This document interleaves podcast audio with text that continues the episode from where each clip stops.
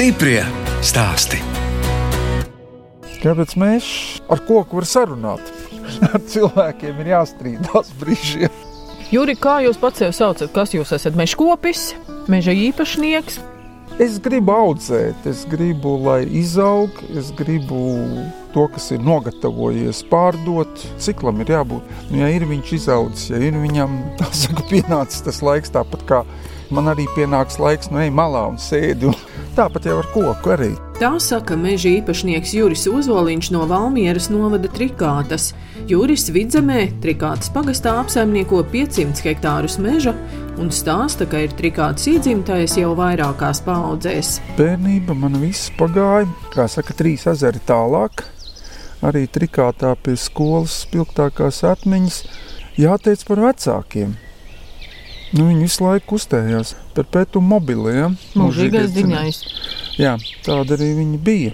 Lai tā saule arī viņu silda un, un ir mierīgāka nekā šī saule. Vecāki, kas tad bija pēc profesijām? Tur ir atkal salauztais dzīves stāsts. Mama no izlaiduma Valmieras gimnāzijas aizveda. Tēvu paņēma no agronoma prakses. Laikam Uz Sibīriju aizveda. Jā, jā 49. gads par neciešamu saimniekošanu, saplosītās Par labu paudzes. saimniekošanu. Neciešam bija rakstīts izsūtīšanas dokumentos. Tā kā 18 nepilni gadi mammai un, un, un 21 nepilns tēvam. To, ko tagad saka, tur arī sēdina vagonos, es neteikšu, kur un uz kurieni vēd. Tad man rodas jautājums, uz ko skatās visa pasaule. Bet vecāki, kad atgriezās, 56. Te ir tas moments, par ko es gribu teikt, Latviešu beidzam šņukstēt. Daram. Ar tiem diviem čemodāniem un, un vienu somiņu viņi brauc atpakaļ. Un tad viņi pāris gadus dzīvoja vienā istabiņā un pār kalnu skatījās uz manu vecvectēva māju, kur bija seši to tautiešu dzīvoklīši, vienā mājā ielikti, plus vēl viesistabā kinozāli. Tiesa viņi gan eh, uzskatīja, ka ērģeles tā kā nevajag, jo no tām stabulēm var uztaisīt vistām žogu. bija arī ērģeles Jā. jūsu senču mājās. Jā. Viņa bija ļoti liela saimniecība, bet uh, pie mājas bija mežs. Viņš bija kā parks, kaut kādi trīs hektāri. Vecāks bija teicis, nekāda zāģēšana. Te ir jābūt mežam. Un brauca uh, 8 km tālāk ar zirgu gatavoja malku, kas arī nemazums bija vajadzīga, un tur bija meža pļava. Bet tā morāla bija tāda, ka lūk, te ir un te viņam ir jābūt. Vecāki man vienmēr ir strādājuši, viņi bija skolā, Trikātas pamatskola. Skolotāji, ne? Nē, viņa bija kurinātāja, saimnieciskā daļa. Nu, Un teica, bija tehniskais. Un būtībā viņa tā arī sauc par saimnieku. Vienalga, elektrība, ūdens, kurā klasē stikls izsists. Tagad ir štatu saraksts. Tad viņš bija viens un vienmēr uz kājām, nu, kā universālais karavīrs. Labi, ka tajā laikā nebija sociālo darbinieku. Jo citādi es būtu atņemts vecākiem. Visu laiku kaut kas bija jādara. Siena laiks, tas bija dārsts, laistīšana un tā tālāk. Kaut vai govs jāizved, vai aita, vai kas. Nu, tā bija tāda naturāla saimniecības laiks, jo cilvēkiem nu, tā alga bija tāda, kāda bija, bet uh, mums vienmēr uz galda viss bija. Un māja bija silta. Tēvs, viņš ir uztaisījis savā mūžā piecus traktorus. Pēdējais modelis stāv man pašreiz uz bloķīšiem garāžā zem jumta, jo mums ar dēlu ir doma, ka viņu vajadzētu nopulēt, sakārtot un palaist. Viņš varēja pļaut, vest, grābt zāli, vagot kartupeļus, rakt kartupeļus un tā tālāk. Ka to formēja tā kā skolas kurināmā apgādē. Jo tā tas arī bija, jo mēs ar viņu arī vedām visu malku, šķūnis bija kaut kā 300 metri no skolas. Katru sestdienu vai svētdienu pagāja ar to, ka bija jāsaved pilns bunkurs, un tas arī bija it kā manā kompetencē. Es teikšu tā, bērnam jāstrādā. Nevajag stāstīt niekus, kad viņi neko nemāca. Viņi tīri labi māku. Tas, ka jūs aizgājāt uz cēsu arodskolu mācīties par galdnieku, tā doma bija tāda, ka jābūt labam amatam. Tieši tie koki ļoti jau interesēja. Un mans vecākais paraugs un brālis. Viņš vairāk bija par elektronikas pusi, viņš aizgāja politehniskā par radio. Viņš saka, mums vajadzēs galdnieku, kas taisa tumbas, kas virpoja visu bērnību. Man bija tādas iespējas to darīt, nu, bija tie konkursi, kad kaut kas ir jātaisa. Un es pats parādu latiņu, ka jāuztais ir šāda komplekts jāuzvirpo. 16 bandiniekus uzvirpot, tas jau kaut ko nozīmē. Jo teica, man spēlē šāhu, un, un man arī iemācīja. Tad uh, valkā bija šis konkurss. Arī galdiņu būs taisījis. Tad uh, nāca žūrijas vērtējums, ka tas nav audzēkņu darbs. Pārāk skaisti. Nu, tā ir tā kā skolotāja. Man tas šāds komplekts vēl vienam ir mājās, kastītē, un mēs dēlu saliekam, šeit uzspēlējam ar koku man patīk. Man arī tagad mājās ir zāģīts evelīte un, un lensrāģis, ir uz kā mēs pavasara laikā pārstrādājam to, kas palicis no ziemas pāri un vietējiem tirgumam kaut kādu pakalpojumu tādu. Jo nu, ir šis pārējais brīdis, kad mēs šodien smuki iebraucām šeit, bet uh, mēs varam uztaisīt putnu lidojumu, kur vēl nekādu nevar iebraukt, pat ar kvadrciklu. Līdz ar to kaut kā mēģina to gadu balansēt un izvilkt. Pabeidzāt cēsu arodskolu, un kā tad bija tie tālākie plāni?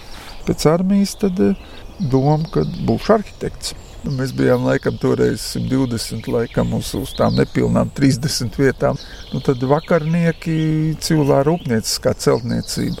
Mēs ar vēl vienu tādu pašu uz pavasara sesiju nospriedām, ka nu, mēs visu dienu esam mūrējuši un būvējuši. Tajā vakarā tev sāk stāstīt nepareizs ķieģeļa izmērs. Un marksisms, leņķisms ir galvenais, kas mums ir jāiemācās. Tad uh, mēs pametām, tad man sieva arī ir tikai drusku no otras puses trikātē. Tā kā viņi atnāca abičniekos, un es jau biju pirmklasnieks, tad jau es viņu nav paplēsis, jau es biju jau joka pēc.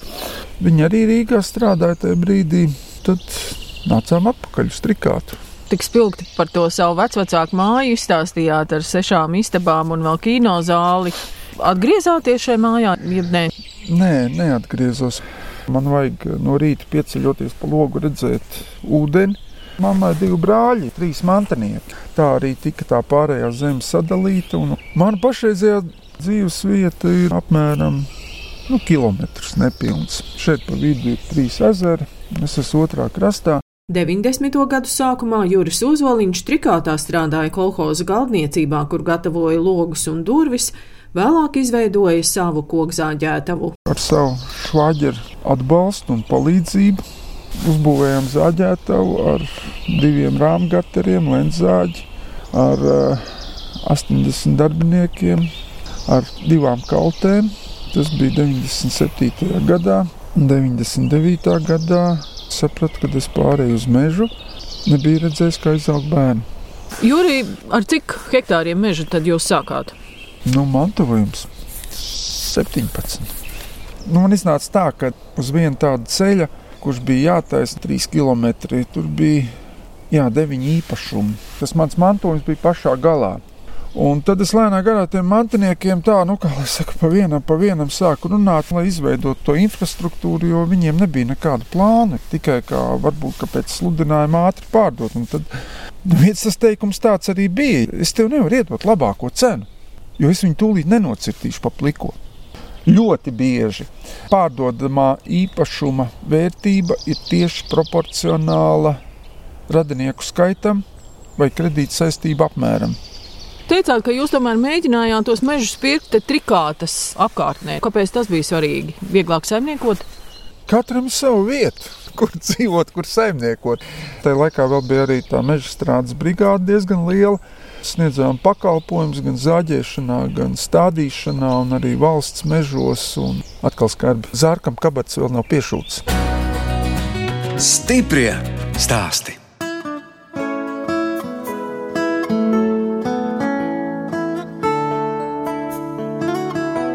Jūs klausāties raidījumu stipri stāstī. Šoreiz ciemojos pie meža īpašnieka Jūra Ozoliņa, Valmieras novada Trikātas pagastā, kur Juris apsaimnieko 500 hektārus meža.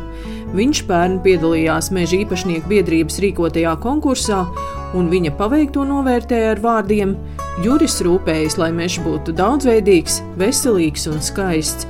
Ar Juri runājam, protams, viņa mežā, kur izveidota neliela atpūtas vieta ar soliņiem. Nē, esmu intensīvais meža strādātājs. Šeit ir pēdējo reizi darīti darbi apmēram 12 gadu atpakaļ, kad tika izdarīts, nu, saka, tas uh, skarbais lēmums. Un skarbais lēmums tad bija tā? Uh, nē, nu tā ir jaunaudas kopšana, jo tas pirmais mēnesis pēc tam atnākot ir, oh, nu kā tad tā ir? Bet nu tā ir jāizdara. Burkāna doba arī izretina, nu un tad pienāk un skatās ārprāts. Bet pēc tam redz, ka viss aug un viss notiek. Mēs sēžam veselīgā egļu audzē. Biezums nevienmēr ir labākā lieta, bet uh, galvenais, lai būtu eglēm skujas galā. Un tā ir tā problēma, ar ko mēs saskaramies ar šīm pāraugušajām audzēm. Nav saulēcīgi nekas izdarīts, viņas ir tikpat centimetri, cik resns, tikpat garš. Un augšā ir tikai pušķis. Tādas viņas arī mocīsies. Un tad, kad viņas paretina, tad sniegs viņas saliec. Nu, re, tagad... nu gan, vai ku skaisti. Riktīgi kāsī lido. Jā, tagad tikai varbūt mutu neturēt vaļā. Kaut kur atkal pārceļās. No o. viena purva vai ezera uz nākamo. Tur bija tās lielās pļavas, un tagad tie ir septiņas. Ir, protams, firmas, kurām ir uzlikts laiks, cik kubikmetrus vajag kurā mēnesī. Tāpat ir kokzāģētavām plāni, kur ir nemitīgi jāizpilda. Tā ir tā saimnieciskā aprite. Visas tehnoloģijas iet uz to, ka nav vajadzīgi šie milzīgi pāraugušie koki. Nav viņi tautsēmniecībā vajadzīgi. Viņi ir vajadzīgi mums teiksim, atsevišķās vietās. Bet uh, citādi ir jābūt tādai normālai pieejai, ja, jo naftu mēs neesam nekur izpumpējuši, oglītes arī mēs neatrodam. Kūdra mēs jau tā kā sākam skatīties, vai drīkst vai nedrīkst rakt ārā. Tātad lauksaimniecības zemes katru gadu ražo, meža saimniecībai arī ir jāražo. Viegli ir saimniekot mežā. Ko jūs gribat no viņa iztaisīt? Nu, skaistu mežu, ja kas dod gribat, kaut kādus ja jūs gribat ienākumus. uztaisīt, ja jūs gribat uztaisīt kailcirti, tad ir skaisti saimniekot mežā. Jūs netaisat kailcirtis? Ir arī. Tā ir tā zemnieciskā aprite. Tas ir tāpat kā nu, sīvēna kūtī baro kartupeļus iestādi norok. Arī mežā tā ir jādara. Vienkārši kurā brīdī un ko darīt. Bija brīdis, kad bija latos vēl Un, teiksim, nozāģēšana, izvešana bija apmēram 5 lati par kubikmetru. Kaut kāda 8, 9 lati bija realizācijas cena. Un tad viņi sāka kristies pavasarī diezgan intensīvi. Un tad tas viens brīdis bija tāds, kad šī bērns papīra malka maksāja 4,5 latus un izstrāde bija 5 lati. Tā tas ir. Es domāju, zemniekiem ir tieši tāpat, kurā brīdī ar to graudu, ko darīt, kurā brīdī to pienu. Ar tām lietām ir drusku pat uh, sarežģītāk. Jo to koku es paskatīšos, tirgus ir savādāks. Lai vēl paliek. Jā, nu, zemē negāžās, lai viņš vēl pagaida. Tas grauds ir jākuļ nost, vai, vai kā. Tā govs ir jāslauc, lai vai kā. Nu. Katrai nozarei savs īpatnības. Mežā nevajag perfektu. Mežā ir jābūt uh, savam nokritušam kokam, mežā ir jābūt kaut kādai likstu vietiņai un tā tālāk. Bet uh, uznāk vēji, un viņi paliek patiesībā ar vien vairāk. Man liekas, ka ir kaut kādas izmaiņas, ka šī tādas vētras uznāk, tas par kaut ko liecina. Nu, tāda egļu audzē, tāda vētra, pēc tam tie ir visi tārpi, pēc tam tie ir pāris hektāri. Principā iznīcināti un iet arī pāri robežai, jo man tur vienā vietā bija tā, ka valsts mežos arī izgrauzis iekšā. Zvanīja mežsargam, saka, es klausies, kā tā administrēšana jums tur notiek. Varbūt, viņi var braukt un vākt ārā un, un tīrīt tā saucamā sanitārā situācija. Sākāt ar 17 hektāriem. Nu, kā jūs tagad teiktu, kas bija tās lielākās kļūdas? Nu, nepilns 40 hektārus esmu tā intensīvi, mērķiecīgi apstādījis lauksaimniecības zemi. Tur ir virkne visādi piemēri. Tad sagatavoja augsni. Nu, principā it kā lielākais kreņķis un, un cīņa ir ar meža dzīvniekiem. Tad, kad jau ieaugās viena vieta, jau likās, viss jau ir skaisti, bet tu, tur bija jārevē un jātīra. Labi, tagad blakus uztaisīja riktīgi visu melnu, nomigloja, sastāda, nu, tā kā kartupeļlauks, viss skaisti.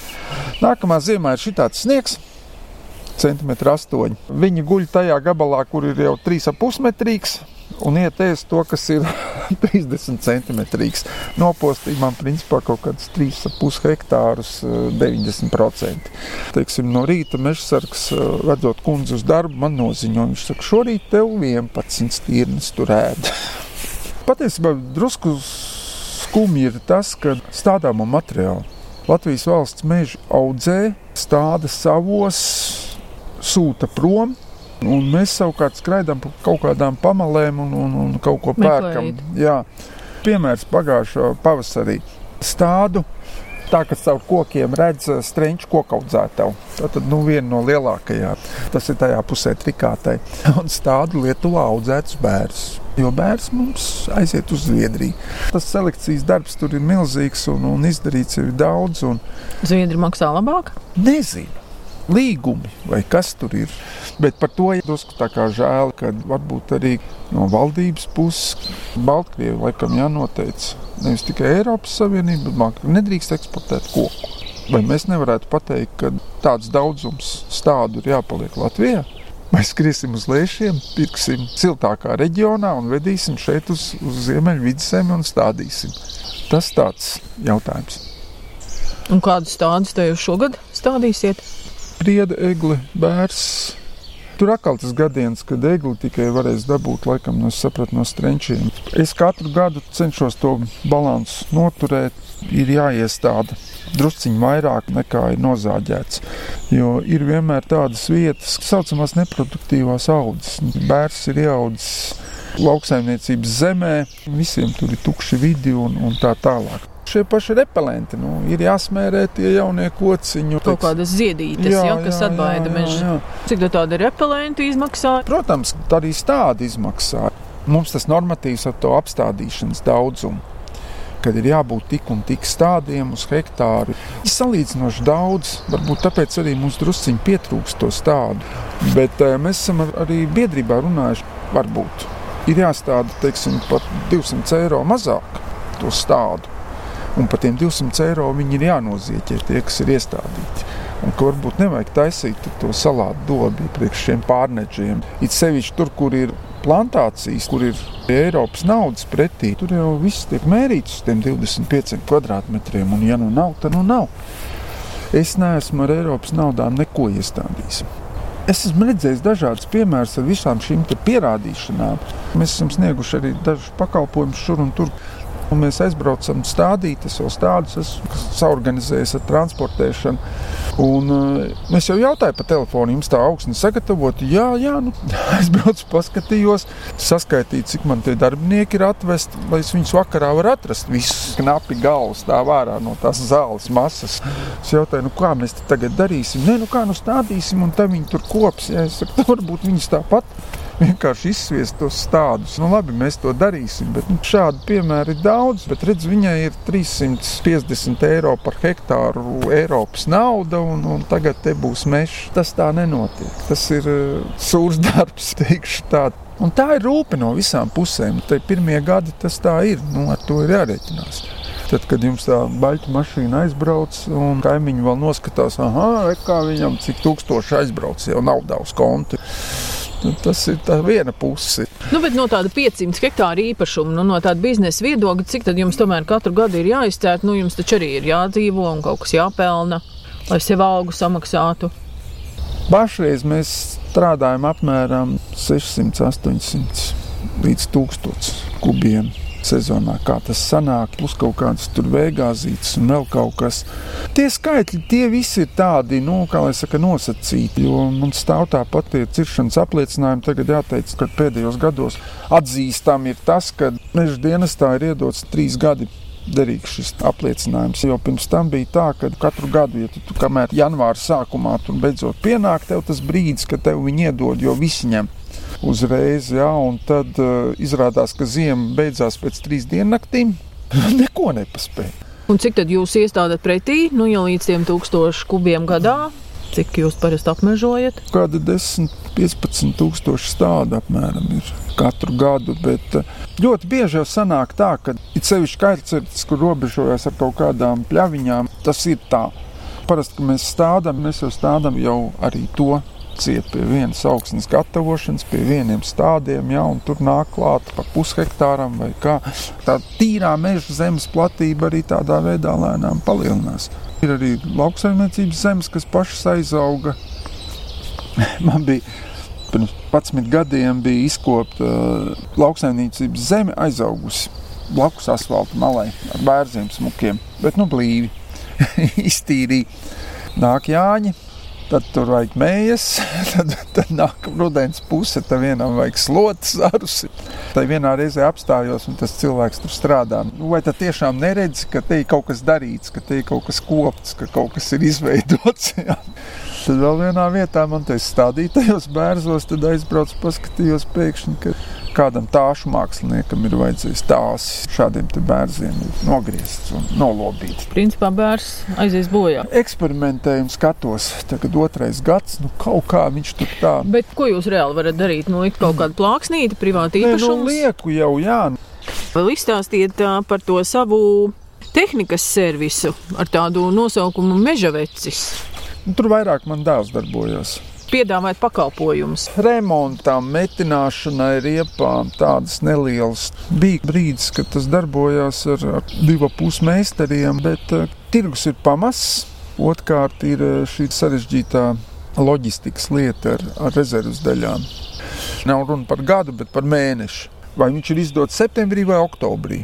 Un tad jau mainās jau detaļa. Ja tu atbrauc ar vienu, viņa nav. Bet uh, tehniskā bāze, kā saka, neko neesmu pārdevis, viss ir kārtībā, mēs izmantojam. Tāpat tie visi savi dzelži jau ir jātaisa, un, un dēls, cik ar to metināšanu un dzelžiem darās, tad viņam arī tā ir tāda maza papildus bāze.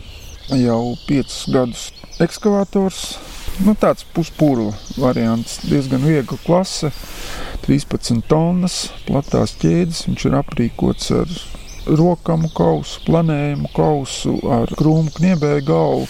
Stāmies arī, kā saka, dēlu tā uz maiņām. Ir arī forwarders vešanai ārā. Esmu kooperatīva mežsaimnieks biedrs, un arī daļa koksnes iet caur viņiem tā realizācija. Līdz ar to nu, ir tie vājie punkti, sakārtot ceļus, jo man tāds vecs buldozers vēl 6-8 km. Nebraucam ceļu, pārvērtu par vietu, kur var pārvietoties ar normālu transportu, nevis pilnpiedziņas. Stiprie stāsti!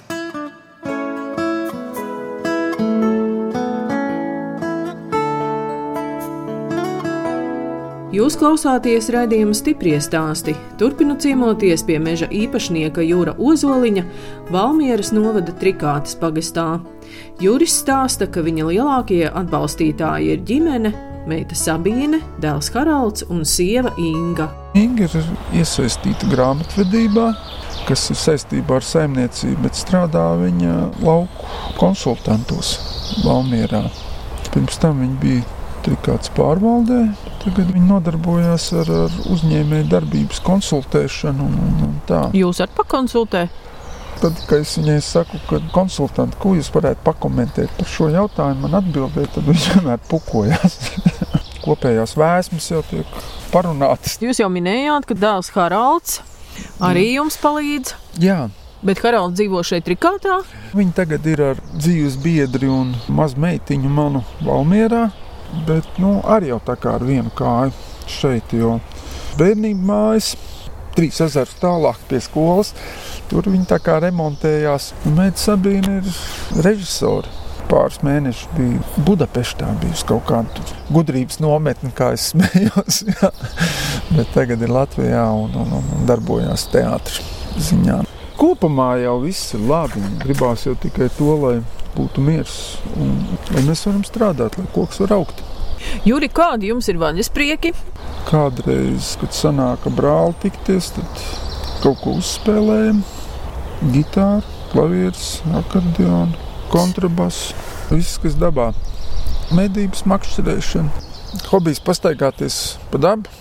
Atnāca ieraudzīja, ka tas jāizdara, tas jāizdara, vēl to varētu ieplānot. Aizgāja lejā, iekāpa laivā, pamakšķerēt, jau domāju, jau kaut ko varētu darīt jau citu. Kādas zivis tad jūs te varat izvilkt? Saldūdens. Bet esat no tādiem, kas nobučo un palaiž vaļā, vai Arī. tomēr liek uz pannas? Gan, gan cenšos. Esmu šogad ļoti bieži aizbraucis uz Peipus, uz Asariem. Esmu bijis arī Ālandos. Bet es nepārdzīvoju to, ja man neķerās. Un kā jums veicas ar tām mednieku gaitām? Nu, ja jums tomēr ir tās jaunaudzītes, kur tie meža zvēri arī posta. Un... Nosargāt ir, ir praktiski neiespējami. jo ir viņu daudz. Bet tā teikt, ka vakarā likt plinti plecā un, un teikt, sievai, visas tagad aizbraukšu, nosargāšu to jaunaudu, tas būs drusku smieklīgi. Juris Ozoliņš darbojas arī meža kooperatīvā mežsaimnieks. 15, 20 hektāri ir vidējais meža īpašums. Tad mēs ļoti vienkārši varam pateikt, cik tā īpašumā veidosies tā viena kailcirta, viss ar to pašu arī beidzās. Vēl viena retināšana, un tur atkal uz 7, 9 gadiem. Un šāda kooperatīva darīšana ir. Es uzskatu, ka ļoti laba priekš šiem mazajiem īpašniekiem. Jā, jā. Pirmkārt, viņš tajā mežā nenieka nav bijis. Otrkārt, viņam nav īsti pat lāpstas, ar ko iestādīt to stādu, ja, un kur jau vispār atrast to stādu. Tad tur tas moments ir labs. Es domāju, ka es esmu drusciņš par lielu un par lecīgu priekš tādā procesa. Augsnes var sagatavot, nozāģēju arī koku materiālus pārdot caur eh, šo meža saimnieku loģistiku. Jo sortimenti jau ir dažādi. Ir papīra malka, kas iet uz ostu, ir malka, kas iet uz granulām, uz Launkalni, ir sīkbaļķis, kas Inču kalnā ir, ir finieru klucis, kur pēkšņi uzliek cena Igaunijā tartu konkurēt spējīgāka par Latvijas finieri, bet nu, Latvijas finieris arī tāpat darbojās. Pat sauc meža banka. Mežs vienmēr ir bijis tāds atspaids tomēr cilvēkiem. Viena lieta ir tā, kā skatās no daudz dzīvokļu mājas augšējā logā. Un kā viņi vērtē, redz, te man stāv tādas banknotes. Pārvērš vērtību naudā. Jā, jā, jā. Un, ja tu mežā esi un, un Un tad tā liekas, ka savādāk jāskatās uz to koku un uz, uz to būtību. Banka jau tikpat labi ir arī apsēsts rudzulauks. Tikai apgrieziens ātrāks, kad, nu, ja tu maijā iesēji vasarā, tad tu septembrī jau skaties, cik tās tonnas ir sanākušas. Te es iestādu un viss, lai viņš aug. Man par viņu tikai jārūpējas. Koksnes cenas aug un arī tie meža īpašumi kļūst vērtīgāki. Tā ir? Jā, koksnes cenas kopš eh, februāra, marta. Nav šī cenu krituma, kas bija nosacīta tradicionāli, sezonāli, kad uh, sākās zināma pārbagātība pavasarī, koksnes tirgu, un tad tā cena krītās. Un, un tā, kur te jūs liksiet, jums tāpat krautūs jāizved. Tad šogad tas tā nav. Nu, un iet tie eiro klāt. Nu, ir viens cits sīkums, ka mēs paskatāmies benzīntankā uz tiem cipariem. Nu, no krautuves transports uz ostu ja, bija 8. 9 eiro kubikmetrus, tad tagad viņš ir 14, 16. Tad vēl paskatīsimies, vai tur vēl kāds kilometrs nenāk klāt. Nu, lūk, tās ir tās lietas, bet uh, atkal no otras puses, vismaz kaut, ko, kaut kas kaut ko velk līdzi, nemitīgi. Juri, kāpēc tie viedokļi par mežu apsaimniekošanu Latvijā ir tik diametrāli pretēji? Mēs visu izcērtam, nekas vairs nav palicis. Ir viena lieta, ko redz cilvēki, sēžot autobusā, tiksim, otrajā stāvā, braucot garām gar lielo šosei, kur ir izcirsts. Tad savukārt ir atkal vietas un meža masīvi, kur nemūžam nav bijis klāt neviens no šiem saka, kliedzējiem kur vienkārši degradējās jau viss. Mums ir vajadzīgs jā, arī tārpiem vietiņa un viss pārējais.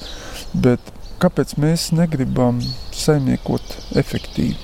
Kāpēc mēs nepūdējam kartupeli, nerokam nost? Kāpēc mēs nekuļam labību? Nu, tas arī būtībā tas pats. Diametrāli pretējie viedokļi tādi vienmēr būs, un tur nav ko, kā lai saka, iespringt. Es tā domāju pilnīgi vienprātība ir debīlisma pazīme. Nu, ar koku es teiktu, tā galvenais ir tas, lai tur, kur ir nocirsts, tur ir atkal iestādīts. Un tā ir tā mūsu aprite un turpinājums. Ja viņi varēja nocirst, nu, pēc meža likuma, ja to ļāva darīt, tad viņš ir izaudzis. Un stādam jaunu iekšā, un pēc četriem, sešiem gadiem redzam, ka skaisti jauna audze un viss iet savu ceļu.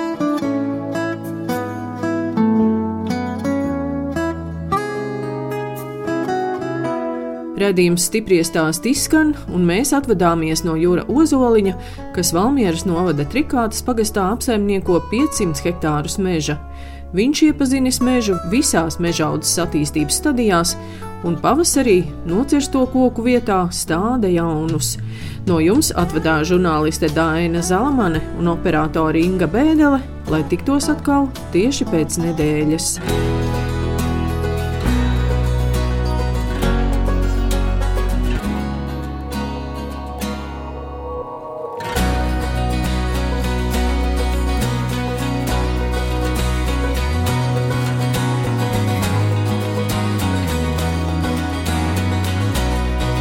Stiprie stāsti.